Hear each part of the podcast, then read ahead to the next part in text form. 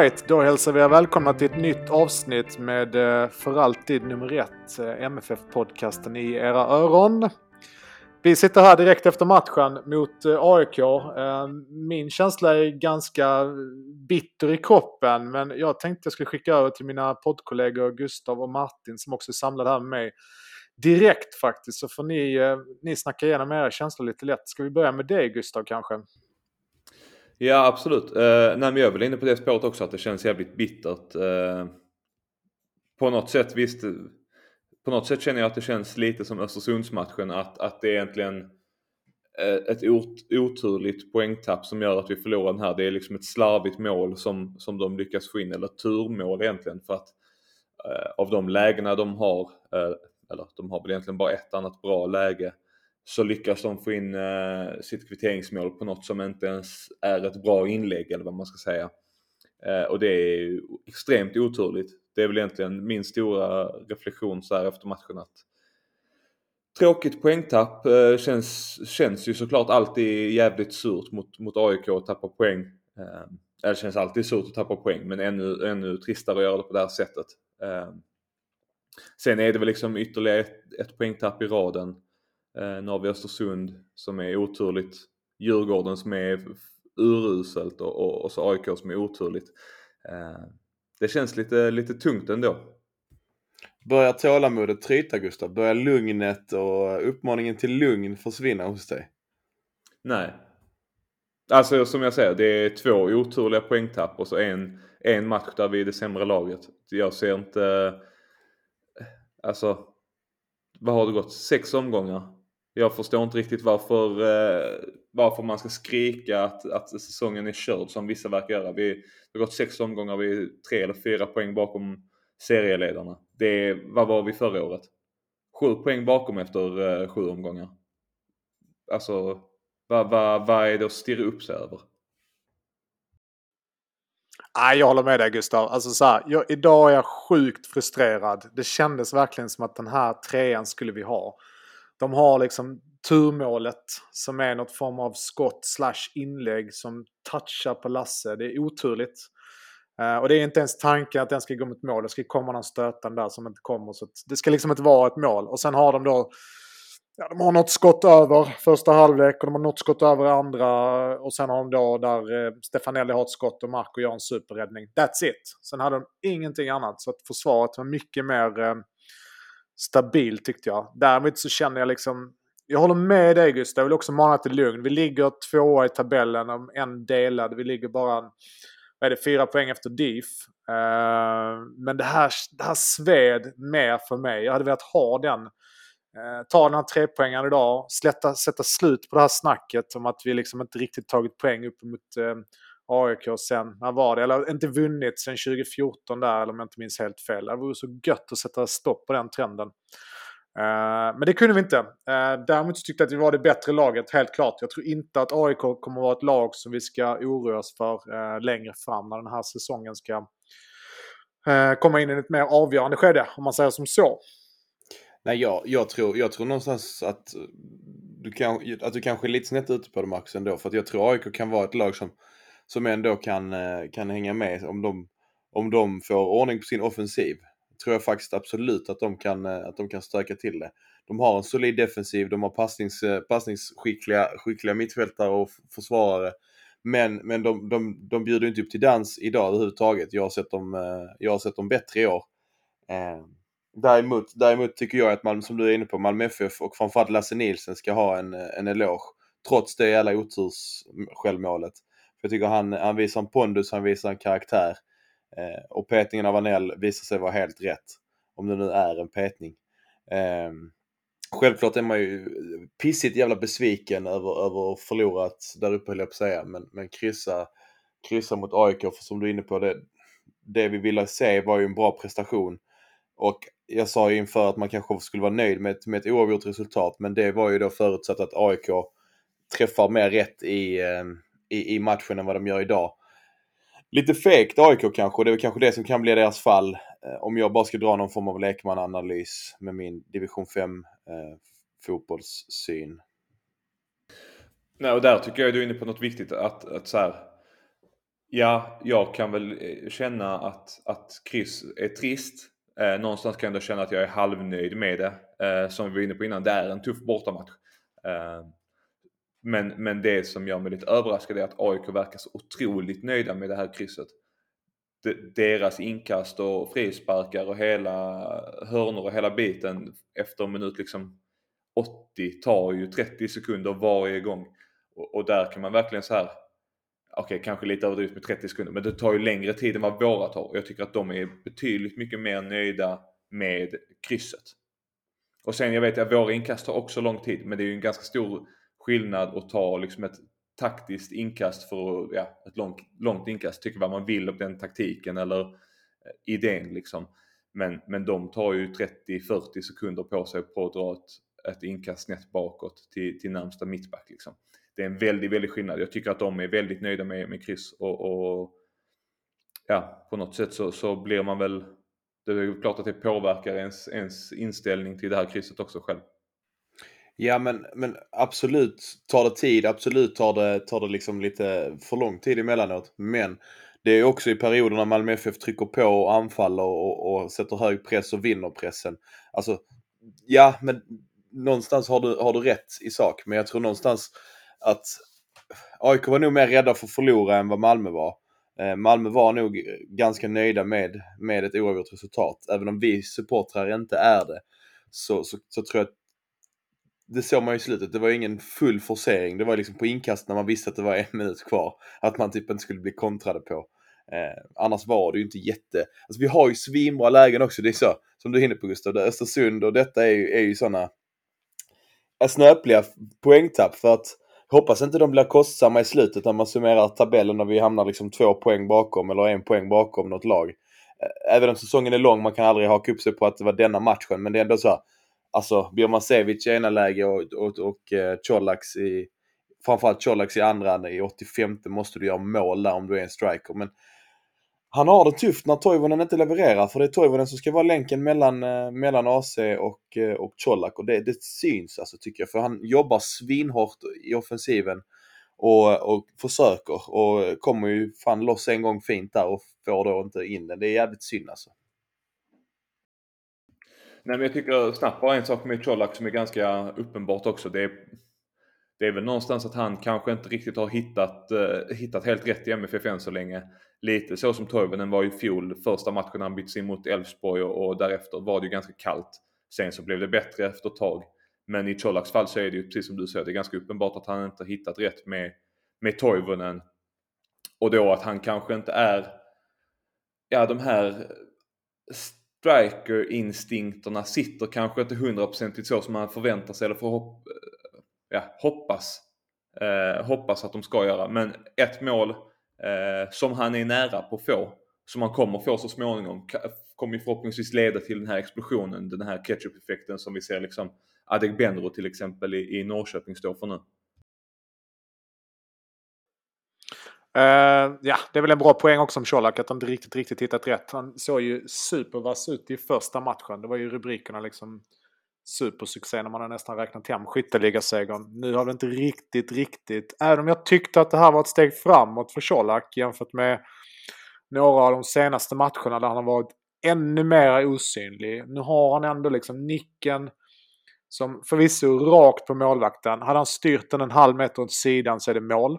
Eh, den här nicken, var kommer den i 75 minuter någonstans? Jag minns inte riktigt. Och sen har vi då friläget eh, där han drar den rakt på målvakten det är lite, han skjuter också i den höjden som målvakten räddar 9 av 10 gånger. Eh, så att, ja, där måste han kunna göra bättre. Samtidigt som jag tycker att man ska inte lägga allt för mycket på Colak heller, för jag upplever att han är lite isolerad. Han är väldigt ensam där uppe. Eh, och då är det inte lätt.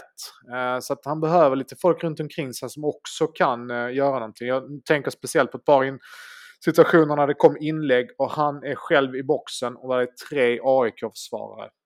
Alltså, även om du har Ronaldo, liksom, vad ska han göra när det är tre andra där? Så att det krävs att vi liksom fyller på där. Jag vet att eh, nu satt jag på en pub bara såg matchen och man hör inte riktigt allt snacket men vi pratade om att vi var väldigt långa. Det var långt från backlinjen upp till anfallarna. Och det syntes också. Colak var ju väldigt ensam där uppe. Um, så att, eh, ja, vi hoppas att de får tajta till det och hitta den kontakten där mellan liksom, mittfältet, AC, Toivonen, Colak eh, på ett bättre sätt. Um, så kan det nu se lite annorlunda ut ja, uh, faktiskt.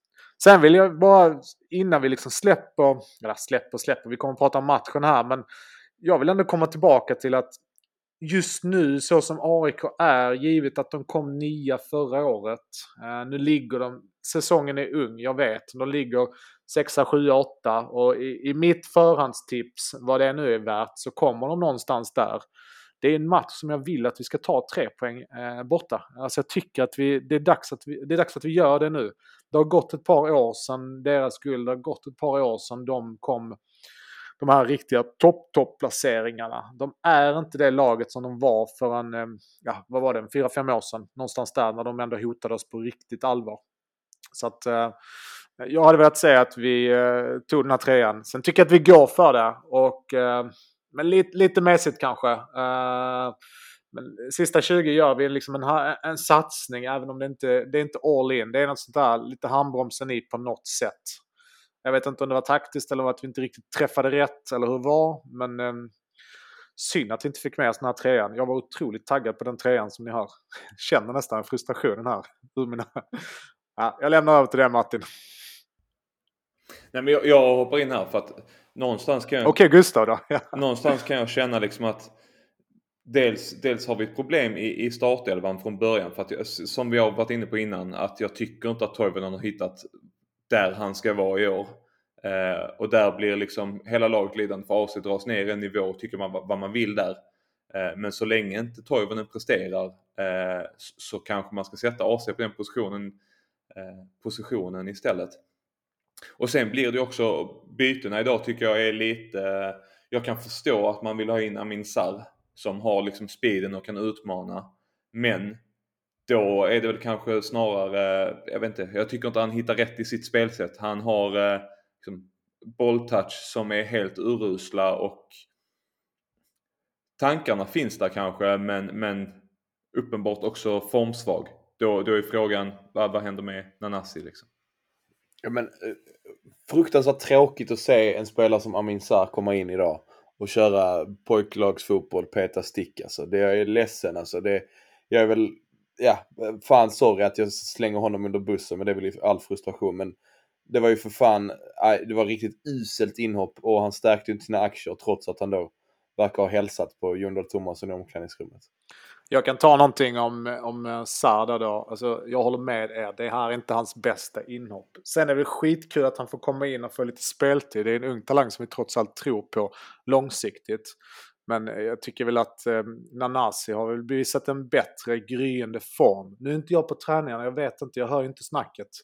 Eh, men, så det hade jag nästan sett det bytet istället för, eh, för Sar. Eh, helt klart. Sen fick väl jag tyckte lite grann samma som Colak där. Jag tyckte att han... Eh, han försöker och river och sliter och krigar lite grann. Lite juniorigt, precis som du sa Martin där. Men eh, jag tyckte inte heller han fick så mycket. Samtidigt, ska man vara rent krass så får han väl se till att skapa det liksom när man kommer in. Du kan inte bara vänta på att det ska komma möjligheter och sen liksom göra någonting. Så att, eh, ja, eh, Nanasi hade nog varit ett bättre val, eller ett val som jag hade skickat in om jag fick välja istället. Um, helt klart, jag tror den hade kunnat göra lite, göra lite kaos i den här matchen faktiskt. Alltså här tycker jag att båda ni två har fel. För att eh, uh, Sar är, jag tycker Sar är ett klart mycket bättre alternativ egentligen att ta in än uh, Nanasi i det läget när han byts in. Vi leder med 1-0. AIK har börjat trycka framåt. Uh, och de har mycket Lustig på den kanten.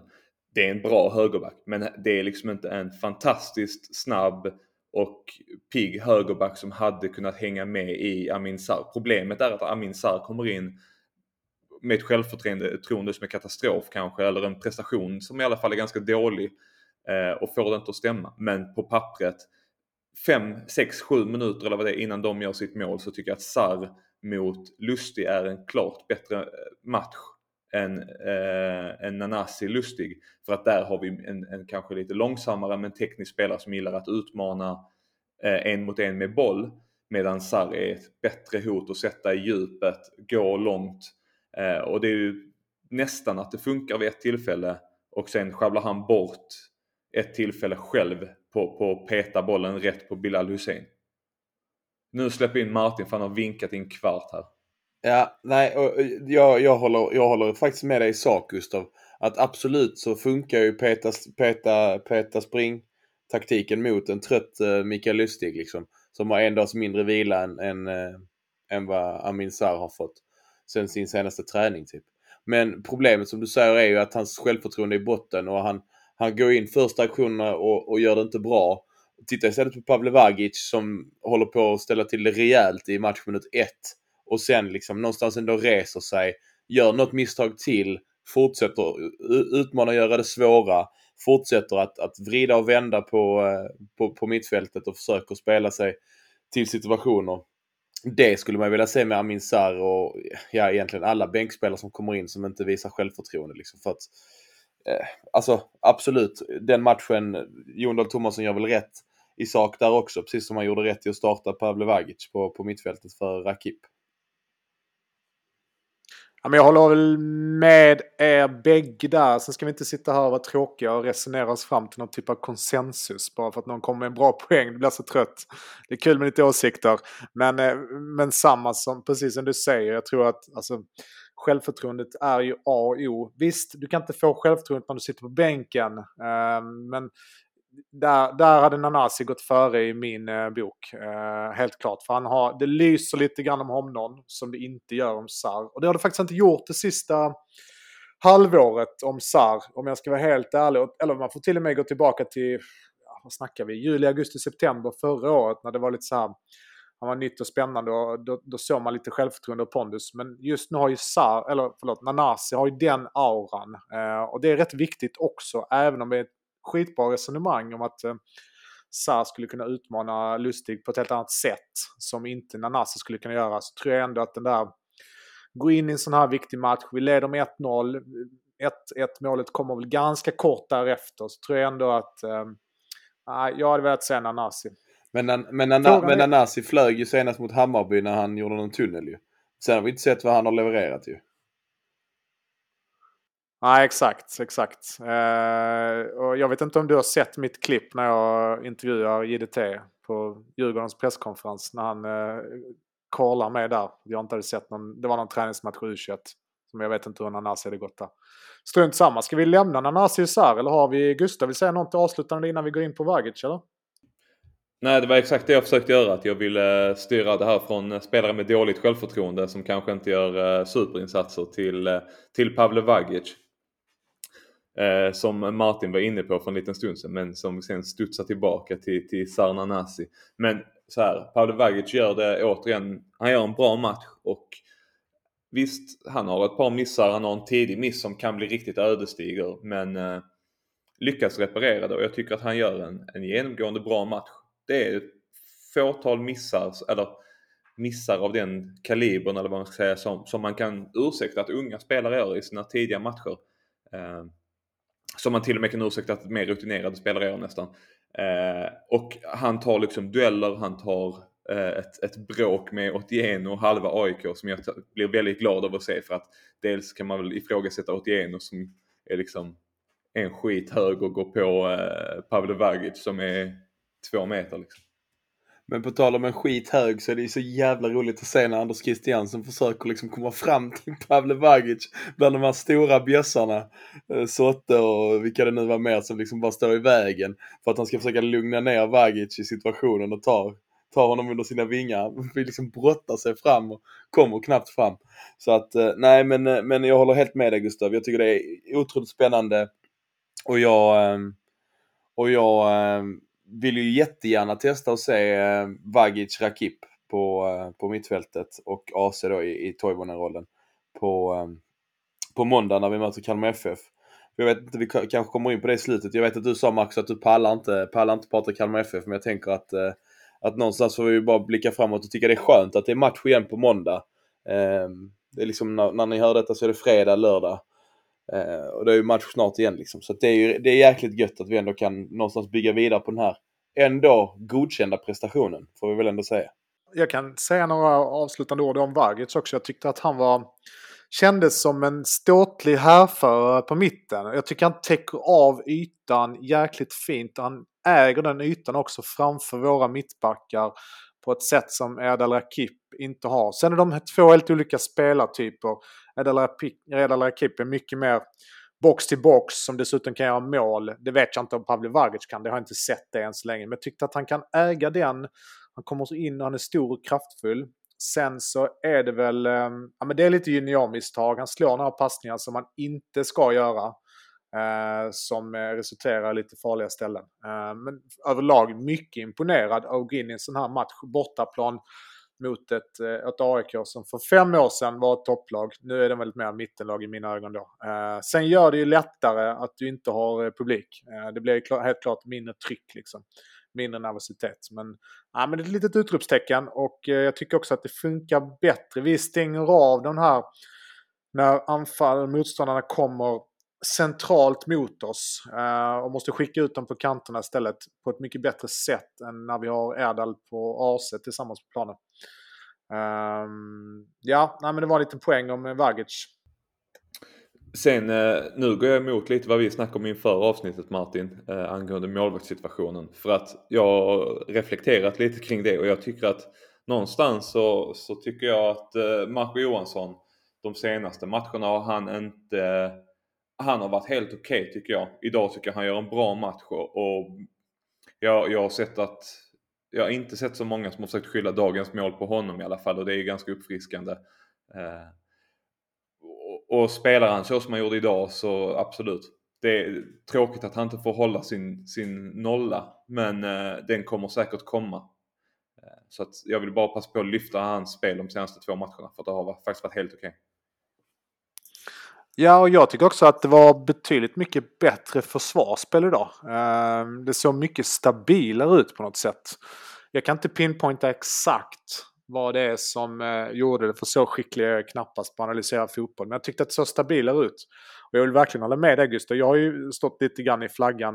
Även om det inte är någon beef eh, Johan mot Marcus så finns det en supportrar som har valt. Men jag tycker att det här är helt rätt att fortsätta skicka ut honom. För att nu, han är knappast någon belastning. Sen kanske Johan Dahlin har, har mer pondus, erfarenhet och rutin och kan styra backlinjen på ett bättre sätt.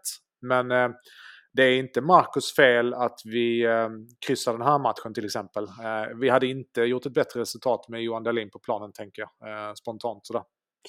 Nej, men och, och det, det, är ju det som är det intressanta i det hela. Att det är så jäkla mycket psykologi och ja, men kemi i fotboll. Att, alltså, allting är ju inte bara siffror, även om jag älskar siffror. Det vet ju alla om att jag gör, att titta på. Men, men det är ju extremt mycket känslor och extremt mycket mycket kemi mellan spelare och sånt och det, det är någonting som du säger Marcus, det är svårt att pinpointa och säga exakt vad det är som gör att det känns när man ser detta idag. Eh, att, det, att det ser bättre ut och att känslan är stabilare och bättre. Och en grej som jag reflekterar över det är att har inte Frans Bror som blivit mycket bättre med fötterna eh, på att slå passningar, alltså längre, hårdare passningar, mer, mer, eh, mer raka höll jag på att säga. Precis som att de varit helt sneda av vingar innan. Men, men som vi sa inför avsnittet också Gustav, att Marco Jonsson är 22 år gammal och jag menar ingen målvakt är som bäst när han är 22 år gammal. Så det är egentligen helt orättvist att jämföra med en 34-årig, eller vad är han, Dalin som har extremt mycket rutin, stått i Europa och, och liksom varit landslagsmässig när han var på toppen av sin karriär. Liksom. Så att eh, jag tycker folk, alltså som, jag tycker folk som då ska göra en grej av det som du var inne på Marcus, jag tycker de gör, gör Malmö FF en otjänst. Jag tycker någonstans att man borde ta sitt förnuft till fånga och fundera på, eh, gynnar den här diskussionen som då sker på ett offentligt, eh, eh, på en offentlig plattform, gynnar den Malmö FF? I min värld så, så, så svarar jag nej. Ja, ni, ni känner ju mig. Jag älskar att mana till, till lugn. Eh, så att, jag ser Martin helt rasande här. Eh, men jag tänkte bara ta, ta eh, en, en så här lite summerande tanke om de här första sex matcherna. Vi har mött Hammarby hemma förvisso, tippat topplag. Häcken borta som vi har haft tufft med. Eh, AIK borta som har varit en tuff match och Djurgården borta som har varit en tuff match. Vi har förvisso tappat ett par poäng men samtidigt så här. Vi är inte vi är inte jätteuselt på det än så länge. Så att vi har mött tufft motstånd på tuffa, tuffa bortamatcher. Samtidigt så har liksom Djurgårdens tuffaste två matcher har de haft på hemmaplan. Så att eh, man kan ju välja att se det lite hur man vill. Även om jag också såklart hade, hellre hade sett tre poäng idag så, så, eh, så är det ju så såklart. Ja, men du har en poäng där. Eh, och jag har väl också det lite personligt dragit i mig att mana till lugn. Det är Martin som har mer frustration i kroppen. nu sitter han här och nekar till detta. Men eh, oavsett, eh, jag tittar precis lite snabbt. Nu har vi tre matcher kvar innan eh, uppehållet. Och eh, ska man önska någonting ska man önska tre poäng. Då ligger vi på 20 poäng efter nio matcher. Och det är ju en, en helt klart godkänd inledning med tanke på spelschemat som du precis eh, gick igenom. Så att, ja, visst. Eh, Fortsatt bitter, men ta krysset och gå vidare så får man tänka så att eh, vi mötte väl ett, ett topplag eller ett tufft lag på bortaplan så får man väl summera det så helt enkelt. Ja, och där säger vi tack, stort tack för att ni har lyssnat på det här eftersnacket direkt efter AIK-matchen som sagt. Vi, eh, vi håller tummarna för att eh, helgen blir fin här och att vi kan ladda om batterierna inför Kalmar på måndag. Vi säger stort tack för att ni har lyssnat som sagt. Ha det fint, trevlig helg på er. Hej!